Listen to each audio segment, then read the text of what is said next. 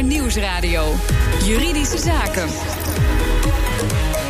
Paul van Liemt. Meer gegaderen dan vergunningen voor een strandtent. Een maximaal aantal fietstaxis en bloemenstalletjes. Veel gemeenten hebben te maken met schaarse vergunningen. Hoe verdelen ze die onder de ondernemers die er aanspraak op willen maken? Een zaak over een speelautomatenhal heeft de boel op scherp gezet, Nelke van der Heijden. Ja, Paul, dat speelde in Vlaardingen. De gemeentelijke verordening daar laat één speelautomatenhal toe. En de vergunning daarvoor had de gemeente al aan één partij gegund. Maar er was ook een ander die zo'n zo'n hal wilde exporteren. En zijn vraag werd dus afgewezen, omdat die plek al vergeven was aan een ander. Maar deze ondernemer ging daartegen in, uh, in beroep. En uh, die ging daarvoor naar de Raad van State. En met succes? Ja, enigszins. Want als ik goed gegoogeld heb, is inmiddels nu toch die eerste partij weer degene die de, die de vergunning heeft. Sinds eind jaar. Maar dit speelde in 2016. En toen was de uitspraak dat die vergunning voor degene die het wel gekregen had opnieuw bekeken moest worden. En dat ook die afwijzing eh, opnieuw bekeken moest worden. En een belangrijke conclusie was dat die verdeling echt eerlijk moet gebeuren. En dat er bovendien ook eh, duidelijkheid moet zijn dat het transparant is hoe dat gebeurt. Dankjewel, Nelke. Tim de Graaf die deed onderzoek naar schaarse vergunningen tijdens een stage bij de Vereniging Nederlandse Gemeenten. Hij werkt inmiddels bij het ministerie van Financiën als wetgevingsjurist, maar spreekt hij nu op persoonlijke titel. En Mark van Weren schreef er een boek over dat eind deze maand uitkomt: De strijd om schaarse vergunningen. Hij is bouw- en bestuursrechtadvocaat bij Blenheim Advocaten. Heren, welkom. Dankjewel. Ja, was deze uitspraak nou mooi zo, unisono, nou geweldig. Was die uitspraak over de Vlaardingse speelautomatenhal, waar Nelke het net over had, was het echt een keerpunt, Mark van Weren? Dat denk ik wel, ja. Uh, in die uitspraak is het gelijkheidsbeginsel uh, op de voorgrond gekomen. En daar volgt eigenlijk uit dat ondernemers uh, mee mogen dingen naar vergunningen. En dus gelijke kansen moeten krijgen. Maar ik moet daar wel bij zeggen dat dat principe ook al volgde uit het Europees recht, namelijk de dienstenrichtlijn. oh, dus verrassend was het niet eens? In die zin was het niet verrassend, maar de, de Raad van State heeft dat breder gemaakt en het niet alleen beperkt tot diensten. Maar wat met name ondernemers graag willen weten, is het zo dat gemeenten sindsdien aan duidelijk beleid werken voor verdeling van die vergunningen? Ja, je ziet dat gemeenten daar uh, bewust mee bezig zijn, maar in mijn ogen nog veel te weinig gemeenten hoor. Daar zit toch echt uh, heel veel werk in voor oh, gemeenten. Het scheelt ook nog per gemeente. Nou, Mark van Weren weet er misschien heel veel van natuurlijk. Hè. Scheelt het echt per, verschilt het echt heel erg per gemeente? Ja, wat je kan zien is dat uh, de grootte van de gemeente uh, heel veel invloed heeft met wat voor problemen ze te maken hebben. dat is misschien ook wel heel logisch te bedenken. In Amsterdam heb je een hele grote markt met heel veel ondernemers, veel concurrentie, zijn ook heel professioneel. Ja, dan loop je echt tegen andere verdelingsvraagstukken aan dan dat je één dorpsplein hebt. Met misschien twee stalletjes erop. Mark van Weer, in het boek uh, wat je geschreven hebt uh, staat een voorbeeld van strandtenten in Noordwijk. En daar gaat echt alles mis wat ook mis kan gaan daar, of niet? Tenminste, ja. die indruk krijg ik een beetje. Je moet een procedure hebben als gemeente. Als je dus schaarse locaties hebt. Hè, en in Noordwijk zijn dat 15 locaties op het strand. Dan moet ja. je zorgen dat je die op een, uh, op een, op een methode verdeelt. die uh, conform het gelijkheidsbeginsel is. En daar moet je een procedure voor hebben, maar die is er niet. Dus er, zitten, er zijn exploitanten die daar al 20 of 30 jaar uh, een stukje huren van de gemeente. En dat kan niet meer, dat moet je dus gaan aanpassen. Dus je moet een overgangsregeling gaan maken. Dat je eens in de zoveel tijd die locaties uh, beschikbaar maakt. Dat uh, ondernemers uh, kunnen meedingen naar zo'n vergunning. Maar er is hier dus geen sprake daar, althans, van een verdelingsmethode. Ook weinig of geen transparantie? Over hoe het nee, uiteindelijk gaat? Er is niet eens een procedure. Dus uh, die moeten komen. En uh, dat is bijvoorbeeld ook in het strand van Den Haag. is hetzelfde verhaal eigenlijk. Oh. Daar zou het ook geregeld moeten worden. Hoe komt dat, dat daar gewoon niets gebeurt? Terwijl mensen zitten met de handen in het haar natuurlijk. Ja, nou dat komt omdat er natuurlijk nieuwe regelgeving is uit Europa. Nu ook met rechtspraak. En die situaties al tientallen jaren bestaan. En gemeentes moeten dat actief gaan oplossen. En zorgen dat ze aan de regels gaan voldoen. Maar in de tussentijd doen ze maar wat of niet? Nou ja, dat zou ik niet willen zeggen. Ze doen het zoals ze het altijd gedaan hebben. Maar dat, ja. kan, dat kan dus niet meer. Dus je moet het gaan aanpassen. Ja, en een ander probleem is ook dat. Uh, het kader is nog niet zo heel erg duidelijk waarin gemeenten precies moeten opereren. Er zijn wel een aantal uitgangspunten bekend. En, uh, maar daar een hele specifieke procedure op instellen is wel een tweede. En ik heb ook toch het idee dat veel gemeenten de kat uit de boom kijken. Waarom zou je een stelsel wat werkt, waar de lokale ondernemers in ieder geval tevreden mee zijn, waar je als gemeente tevreden mee bent, opeens overhoop gooien om misschien een procedure op te zetten waarvan je niet weet of die stand houdt bij een nou, rechter. wat werkt. Ik bedoel, kijk, als alles misgaat wat er mis kan gaan Noordwijk, dan kun je niet zeggen dat het werkt, toch? Ja, dat is dus het risico dat er op een gegeven moment een ondernemer komt die doorziet dat zo'n procedure misschien uh, over zijn houdbaarheidsdatum heen is. Maar ja, je kan er ook nog een beetje op gokken dat het bij jouw gemeente wel losloopt. Dus veel gemeenten gokken er gewoon op dat ondernemers het niet doorzien. Dat zou ik niet willen zeggen, maar ze willen nou, geen onnodige risico's willen nemen. Ze willen geen onnodig risico nemen. Nee, maar natuurlijk weer geen onnodig risico nemen. Maar dit moet wel, uh, heet het nou, naar redelijkheid en billijkheid niet toch gebeuren. Je moet toch een redelijke kans krijgen om zo'n vergunning te, krijgen. En weten waar alles op gebaseerd is, Mark van Weren. Ja, je moet uh, gelijke kansen creëren voor uh, ondernemers. En, en dat moet er gaan gebeuren. En de gemeente Amsterdam doet dat bijvoorbeeld wel goed met speelautomatenhallen. want daar is ook een beperking van. Er is maar een maximum aantal hallen toegestaan. En de burgemeester heeft alle exploitanten een brief geschreven dat per 1 september volgend jaar die vergunningen opnieuw verdeeld gaan worden. En dan kunnen ook nieuwe ondernemers, nieuwe exploitanten daaraan meedingen. Vergunningen zijn wel heel lucratief, want daar gaat het natuurlijk om. Anders zou er geen strijd over zijn. Ze maken elkaar ja. zwart ook, blijkt in het boek eh, waar ja. we nu aan bezig bent. En bijna uit gaat komen. Daar staat dat staat er allemaal in. Maar er is meer in de hand. Je ziet ook een hele mooie top 5 van lucratieve vergunningen. Ja. Eén kan ik vast verklappen, dat zijn de gokhallen. Ja, dat is de lucratiefste. Maar wat staat er nog meer op?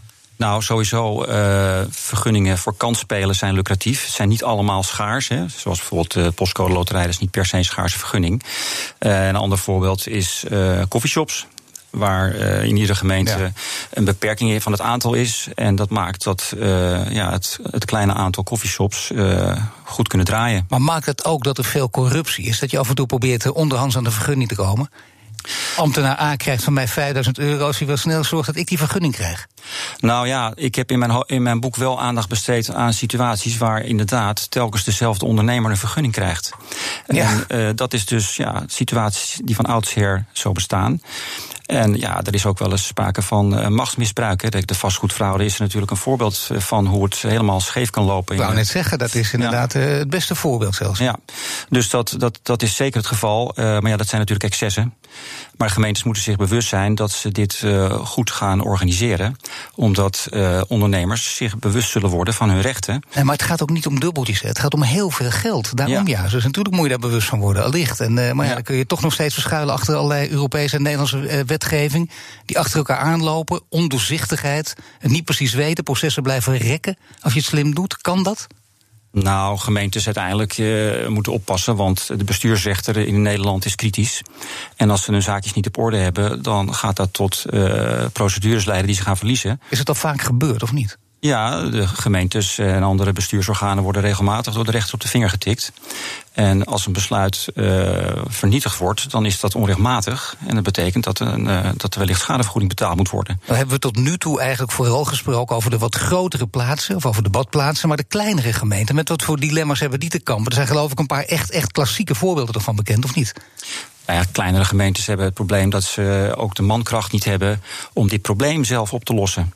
Dus die moeten echt uh, door de Vereniging Nederlandse Gemeenten moeten die uh, aan de hand genomen worden met modelverordeningen hoe ze dingen moeten gaan aanpassen. Want het is ook best ingewikkeld. Uh, Tim die heeft daar onderzoek naar gedaan. Het is echt uh, best lastig voor een kleine gemeente om dit zelf goed te gaan regelen. denk Tim ik. staat erbij, hè? Dus die kan nou, kanttekening is wel dat uh, het gaat alleen over schaarse vergunningen. Dus er moet meer vraag zijn dan aanbod in vergunningen. En ja. in kleine gemeenten is het toch vaak zo dat er niet zoveel vraag is om daar te gaan ondernemen. Dat zijn vaak lokale ondernemers die daar al sinds jaar en dag staan. Uh, dat is echt een andere, uh, andere orde van grootte dan bijvoorbeeld hier de rondvaartboot in Amsterdam, waar miljoenen uh, omzet gedraaid kunnen worden. Nee, maar dus de, carnavalsvereniging, de carnavalsverenigingen, volgens mij is dat een voorbeeld dat vaak wordt aangegaan, maar ik weet niet of dat terecht is ook. Want als het waar is, dan moeten jullie het maar even vertellen. Ja, dat is denk ik wel echt het mooiste voorbeeld van uh, oh, kleine gemeentelijke problematiek. Ja. Uh, twee verenigingen uh, die allebei natuurlijk op dezelfde dag op hetzelfde dorpsplein, want daar is er maar één van, ja. hun feestje willen vieren. En uh, nou, ik denk niet dat er één uh, gemeenteambtenaar is in zo'n gemeente die dacht: dit is een schaarse vergunning en daar moeten we eens uh, mededingingsbeginselen op loslaten. dus ja, dan sta je opeens met twee verenigingen aan je deur. Aan wie ga je hem geven? Ja, nou, heeft het ooit gespeeld? Is, is er een bekend voorbeeld op, op dit gebied, Mark van Weren? Ja, er, er zijn diverse uitspraken van rechters, ook vaak in kort geding. die kort, kort voor carnaval moet die rechter dan een uitspraak doen. En een bekend voorbeeld ja. is van de Pintenwippers. De vereniging eh, van Jos van Rij, die eh, op een gegeven moment eh, geen vergunning kreeg. Nee. En die liet het er niet bij zitten. Die zijn een procedure gestart en die hebben uiteindelijk toch de vergunning gekregen. Voor carnaval, want de rechter had het ook over carnaval heen kunnen tillen natuurlijk. maar dat, dat zou ook nog kunnen. Ja, maar de rechter, de rechter, is dan toch heel snel in staat om uh, uitspraak te doen. En uh, het gebeurt regelmatig ook uh, bij Koningsdagfeesten, waar toch strijd geleverd wordt voor een locatie, om daar maar je evenement te mogen organiseren. Maar je ziet ook dat gemeenten met die evenementen ook al langer, natuurlijk is daar wel die schaarste heeft zich aangediend. Ook al bestond dit probleem toen nog niet als zodanig. Nee. En je ziet dat veel gemeenten die hanteren een evenementenladder. En dat is wat mij betreft een heel mooi voorbeeld van hoe doe je dit nou mooi en eerlijk en tot iedereen's tevredenheid. Namelijk op een vast moment in het jaar inventariseren wie wil waar staan en wanneer. En dan kijken hoe gaan we dat verdelen. En dan hoef je niet, uh, dan word je niet geconfronteerd op een dag voor carnaval uh, met twee vergunningen.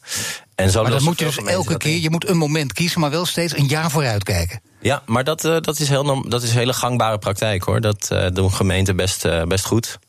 Oh, dus gemeenten zijn eigenlijk al heel goed bezig. Zijn ook al heel, heel eerlijk aan het verdelen, Mark. Nou, voor, voor de evenementen... Jammer voor het boek bijna ook, hè? Nou ja, nee, maar ik heb een redelijk En voor deze uitzending trouwens ook. het is uh, de evenementenkalender, heet dat in Amsterdam ook. Uh, kijk, evenementen, dat kunnen ook vaak schaarse vergunningen zijn. Zeker ja. als, uh, als er op één locatie meerdere evenementen mogelijk zijn. Dus je moet tijdig dan je evenement kenbaar maken aan de gemeente om op die kalender te komen. Oh, dat moet je ook weer doen. Ja. Er zijn ook weer procedures. Als je dat bijvoorbeeld niet twee maanden van tevoren doet, ja. dan heb je pech gehad. Nee, maar dat is nou een voorbeeld van een. Als je dat ruim van tevoren openbaar maakt, en dan en dan moet u uiterlijk uw aanvraag indienen dat u een evenement wilt organiseren, dan dat is een goede procedure. Dan gaat de gemeente selecteren. Dan kan het alsnog zijn dat je buiten de boot valt. Nou, dan kan je altijd natuurlijk bezwaar aantekenen. Maar dan heb je wel iedereen de kans gegeven om mee te doen als jij tijdig je evenement uh, hebt aangedragen. We hebben een heel belangrijke beroepsgroep tot nu toe vergeten te bespreken, namelijk de advocaten. Dat doen we straks. Zorgen de schaarse vergunningen voor een lawyer's paradise. BNR Nieuwsradio. BNR Juridische Zaken. Er blijkt met enige regelmaat onduidelijkheid bij gemeenten over hoe schaarse vergunningen uitgegeven moeten worden. De voorbeelden kwamen al langs. Stappen ondernemers die zo'n vergunning hadden willen bemachtigen, stappen die vaak naar de rechter. Mijn gasten Tim de Graaf, die onderzoek deed naar hoe gemeenten schaarse vergunningen delen, en Mark van Weren, die het boek De Strijd om schaarse vergunningen schreef. Ja, gebeurt dat vaak? He, dat, dat ondernemers eh, die zo'n vergunning hadden willen krijgen, dat die naar de rechter toe gaan. Mark van Weer. Ja, dat gebeurt zeker. Dat, uh, ik heb natuurlijk voor mijn boek onderzoek gedaan. En er zijn heel veel uitspraken over te vinden waar dit speelt. En in mijn boek geef ik natuurlijk ook tips aan ondernemers uh, waar de kansen liggen. En ik denk dat dat ook tot meer rechtszaken gaat leiden. Dat is onvermijdelijk. Ja, nee, natuurlijk. Dus het is uh, fijn voor de ondernemers en fijn voor de advocaat. Ja, ja, dat zou inderdaad kunnen, ja. Ja, nee, dat is toch dat zou kunnen. Dat zit er dik in, ja. Er wordt toch vaak geroepen dat het lastig procederen is tegen de overheid. Kun je wat doen, maar je legt het meestal af. Is dat een vooroordeel of klopt het wel? Nou, dat is denk ik wel een vooroordeel, want de bestuursrechter in Nederland is heel kritisch. En daar, uh, die, daar liggen kansen ook. En als een besluit niet deugt en een vergunningprocedure niet deugt, dan gaat daar gewoon een streep doorheen bij de rechter. Maar er komen wel steeds meer zaken aan. Zijn er ook steeds meer advocaten die zich daarom aan het specialiseren zijn op dit terrein? Ik denk dat er langzaamaan wel steeds meer advocaten bestuursrecht zijn gekomen. En dat komt ja. ook omdat eh, de regelgeving natuurlijk hand over hand is toegenomen. En zeker, dit is typisch een onderwerp waar heel veel regelgeving is. Onder andere ingezet door de dienstenrichtlijn. Die uh, is omgezet in de dienstenwet. En dat heeft ook al tot uh, veel meer procedures geleid. Het is wel lastig natuurlijk. Als je daar voor je baan van afhankelijk bent en je wil weten hoe lang ik die vergunning krijg. Die vergunningen beginnen bijvoorbeeld met vijf jaar of tien jaar of vijftien jaar. Dan biedt dat enige zekerheid. En dan kun je pas echt gaan ondernemen. Ja, nou ja, die vergunningen mogen ook, uh, die moeten voor beperkte duur zijn. Die mogen niet meer voor onbepaalde tijd zijn. Dus er zijn een heleboel ondernemers die nu nog een vergunning hebben. Waarvan dat geldt trouwens voor alles. Hè? Voor alle, er is geen, geen enkele vergunning meer voor onbepaalde tijd. Die wordt afgegeven. Nee, voor schaarse vergunningen geldt dat ze voor beperkte duur moeten zijn. En uh, er zijn dus ondernemers die dat te horen gaan krijgen van de gemeente dat hun vergunning nog maar vijf jaar geldig is. En dat ze dan gewoon mee moeten in de vergunningronde. Dat is onvermijdelijk. Ja, onvermijdelijk, eh, Tim de Graaf? Of is er ook nog wel ergens een maas in de wet om dat uh, vermijdelijk te maken? Uh, Vermijdbaar te maken? Ik denk het niet. Ik denk het niet. Nee. Nee, dat toch niet. Nee, check het nog maar eventjes. Maar als de twee heren dat beide niet denken, zal het toch niet zo zijn. Amsterdam wil een quotum van, van 5% per wijk voor woningdelen en voor bed and breakfast overnachtingen. De laatste tijd veel in de publiciteit. En dan ontstaat er op die manier weer een nieuwe schaarse vergunning, of niet? Nou, dat is een interessant onderwerp, want... Uh, Eindelijk, hè? Ja, die, die bed and breakfast, daar zijn er al meer dan 10.000 van in Amsterdam. En die hoeft je tot nu toe alleen maar te melden. En nu uh, wordt er dus een vergunningstelsel ingevoerd met een quotum. Dat betekent dat er dus schaarse vergunningen ontstaan. Ja. En uh, als je dus zegt dat er in de wijk maar 5% bed moeten ja, terwijl er op wijken in Amsterdam zijn waar het gaat om 95%. Het bestaat gewoon voor 95%. En die moeten terug naar 5. Nou ja, of het zoveel is, weet ik niet. Maar in ieder geval, wat je, krijgt, wat je gaat doen dan, dan gaan dus een vergunningronde komt er. En mensen kunnen uh, meedoen in die procedure. En uh, nou, dat gaat om duizenden. En ik denk dat daar mensen buiten de boot gaan vallen. Maar er zitten mensen bij. Nee, natuurlijk gaan mensen buiten de boot vallen. Maar wie gaat, wat gebeurt er dan? Ik bedoel, dat gaat toch enorm veel gedoe opleveren, om het dus heel zacht uit te drukken? Ja, en ik voorspel dat er heel veel procedures over komen. Want, want er zijn mensen die hun geld verdienen, hun inkomen hebben uit bed and breakfast. Die zijn gewoon hun inkomen kwijt. Dat beseft eh, de wethouder denk ik niet. Plus dat het de vraag is of je dat wel via, een, uh, via de huisvestingsverordening moet doen. Want ja, daar gaat het juist om. Hè? Want ja. dan ga je dus huisvestingsverordening ga je gebruiken, maatregelen toerisme in de huisvestingsverordening opnemen. Precies.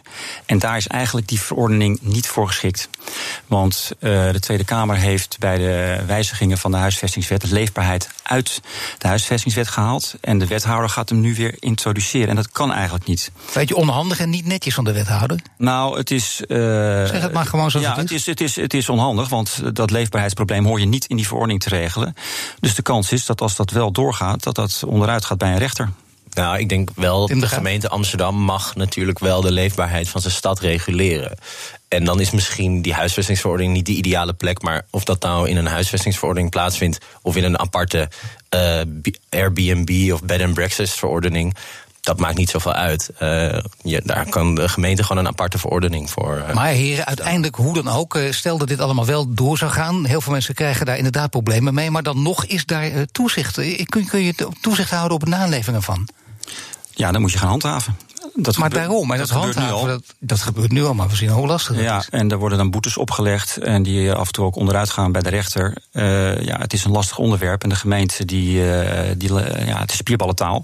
Ze willen laten zien dat ze toerisme terugdringen, maar de vraag is of dat wel werkt op die manier. Of er wel minder toeristen komen als je minder bed and breakfast hebt. Ze maken hun werk ietsje makkelijker, want uh, nu is het geloof ik zo dat huiseigenaren die, moet, die mogen maar 30 of 60 dagen per jaar hun huis verhuren op zo'n manier.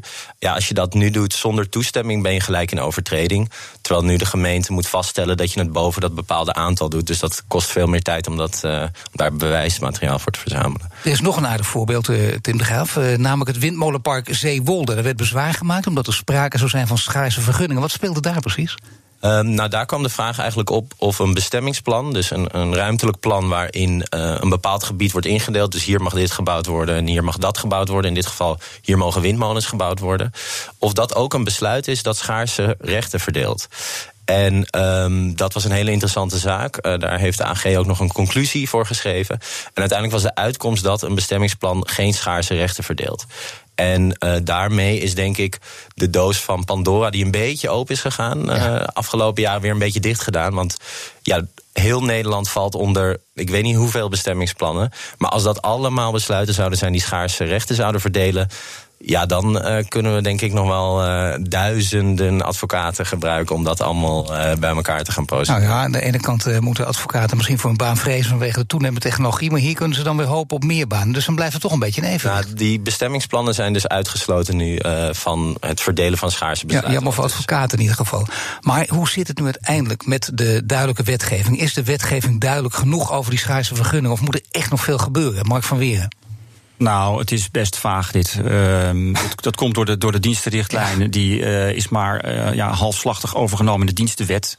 Dat is al onhandig. En uh, de criteria uit de bestuursrechtspraak... die zijn ook niet zo makkelijk voor een gemeente om te ondervangen. Dus ik denk eerlijk gezegd dat een hele hoop gemeenten... steun van de Verenigde Nederlandse Gemeenten nodig hebben... om verordeningen te actualiseren, om beleid aan te passen. Dat, dat moet gaan gebeuren. Want anders eindigen er steeds meer zaken bij de rechter.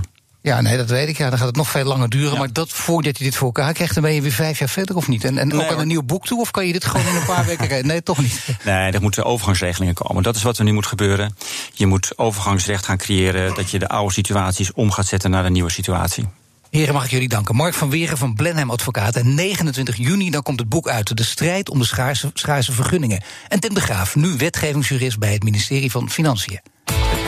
BNR Nieuwsradio. Juridische Zaken.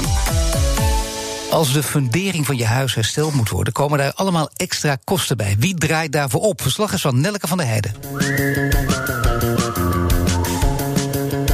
Marius, jij woont in een benedenwoning in een rijtje. En dat hele rijtje daarvoor is nu een probleem met de fundering? Uh, ja, dat klopt. Uh, wij hebben een probleem met de fundering. Uh, de fundering moet hersteld worden. En hoe moet dat? De technieken zijn heel ontwikkeld in deze tijden. We kunnen het doen via verschillende manieren. Maar om de kosten zo laag mogelijk te houden... het slimste is om dit via de benedenwoningen te laten gebeuren. Ja, en dan moet je dus tijdelijk die benedenwoning uit. Inderdaad, de mensen die beneden wonen, zouden tijdelijk uh, ergens anders moeten gaan wonen. Ongeveer vier maanden. Dat brengt natuurlijk wat kosten met zich mee. Uh, ja, dat klopt. Vier maanden ergens anders wonen, dan kunnen we praten over een paar duizend euro. Per woning dan? Per woning, inderdaad. En is dat dan iets wat onder de VVE valt? De fundering is van de VVE, dus de VVE zou de fundering herstel uh, moeten laten gebeuren. Uh, dus nu inderdaad, we zitten met de vraag, als wij de benedenwoningen ter beschikking moeten gaan stellen aan de VVE voor deze klus, zijn de bijkomende kosten, dus voor ergens anders wonen, ook voor de VVE of niet? Marjolein Scheper van Hielkema Co. Marius vraagt zich af of tijdelijk ergens anders wonen... of die kosten daarvoor ook onder de VVE vallen. Wat precies voor rekening van de VVE komt... wordt bepaald door het splitsingsreglement en het modelreglement. En dat is tot op zekere hoogte hier vrij duidelijk over. Uh, funderingen vallen onder gemeenschappelijke delen. Dus de eigenaren draaien daar gezamenlijk voor op. En artikel 10 van het modelreglement bepaalt dat als voor werkzaamheden aan gemeenschappelijke delen toegang nodig is voor privédelen, dat daaraan meegewerkt moet worden door die eigenaar, maar ook dat schade daardoor vergoed moet worden door de vereniging aan die eigenaar. En dan tijdelijk ergens anders gaan wonen zou je ook schade kunnen noemen? Ja, de eigenaar heeft extra kosten en die moeten gemaakt worden omdat er ja, gebruik gemaakt moet worden van zijn woning. Dus dat is voor deze eigenaar is dat zeker schade. Ja. Dus hij kan gewoon eigenlijk nu naar hartelust uh, andere woonruimte gaan zoeken en maakt zich verder nergens zorgen over? Nou, er zijn wel regels waar aan gehouden moet worden als het gaat over schadevergoeding. Um, dat betekent dat er in ieder geval een mate van redelijkheid moet zijn. En dat het gaat om een schadevergoeding. En dus niet een soort bijdrage in, in allemaal extra kosten die je, die je maakt. Uh, wat bijvoorbeeld als je je vloer moet vervangen inhoudt dat je vergoeding krijgt voor je oude vloer. En niet als je nu ineens een hele mooie nieuwe vloer uitzoekt, dat de vereniging die maar betaalt. Zo werkt het niet. En ook voor vervangende woonruimte betekent dat daar een mate van redelijkheid in moet zitten. Dus dat je niet vier maanden in het Amstel Hotel kan gaan zitten... als je ook vier maanden bij Centerparks kan gaan huren. Dus wat kan hij nu het beste doen? Ja, het is nu een beetje uh, lastig om dat te voorspellen... hoeveel kosten dat natuurlijk met zich mee gaat brengen... omdat dat vaak pas achteraf vast te stellen is. Uh, maar voordat er funderingsherstel plaats gaat vinden... zal daartoe moeten worden besloten door de vereniging. Dus ik denk wel dat het goed is om met de vereniging... tijdens die vergadering al te bespreken... dat deze kosten eraan gaan komen. En tot op zekere hoogte zullen die ook al begroot kunnen worden... zoals voor vloeren die, uh, ja, die waarschijnlijk stuk gaan. Dat zit er toch wel aan te komen. En dat daar misschien richtlijnen worden afgesproken... als maximale vergoedingen voor bijvoorbeeld huisvesting of waar men aan kan denken als het gaat om vervangende woonruimte.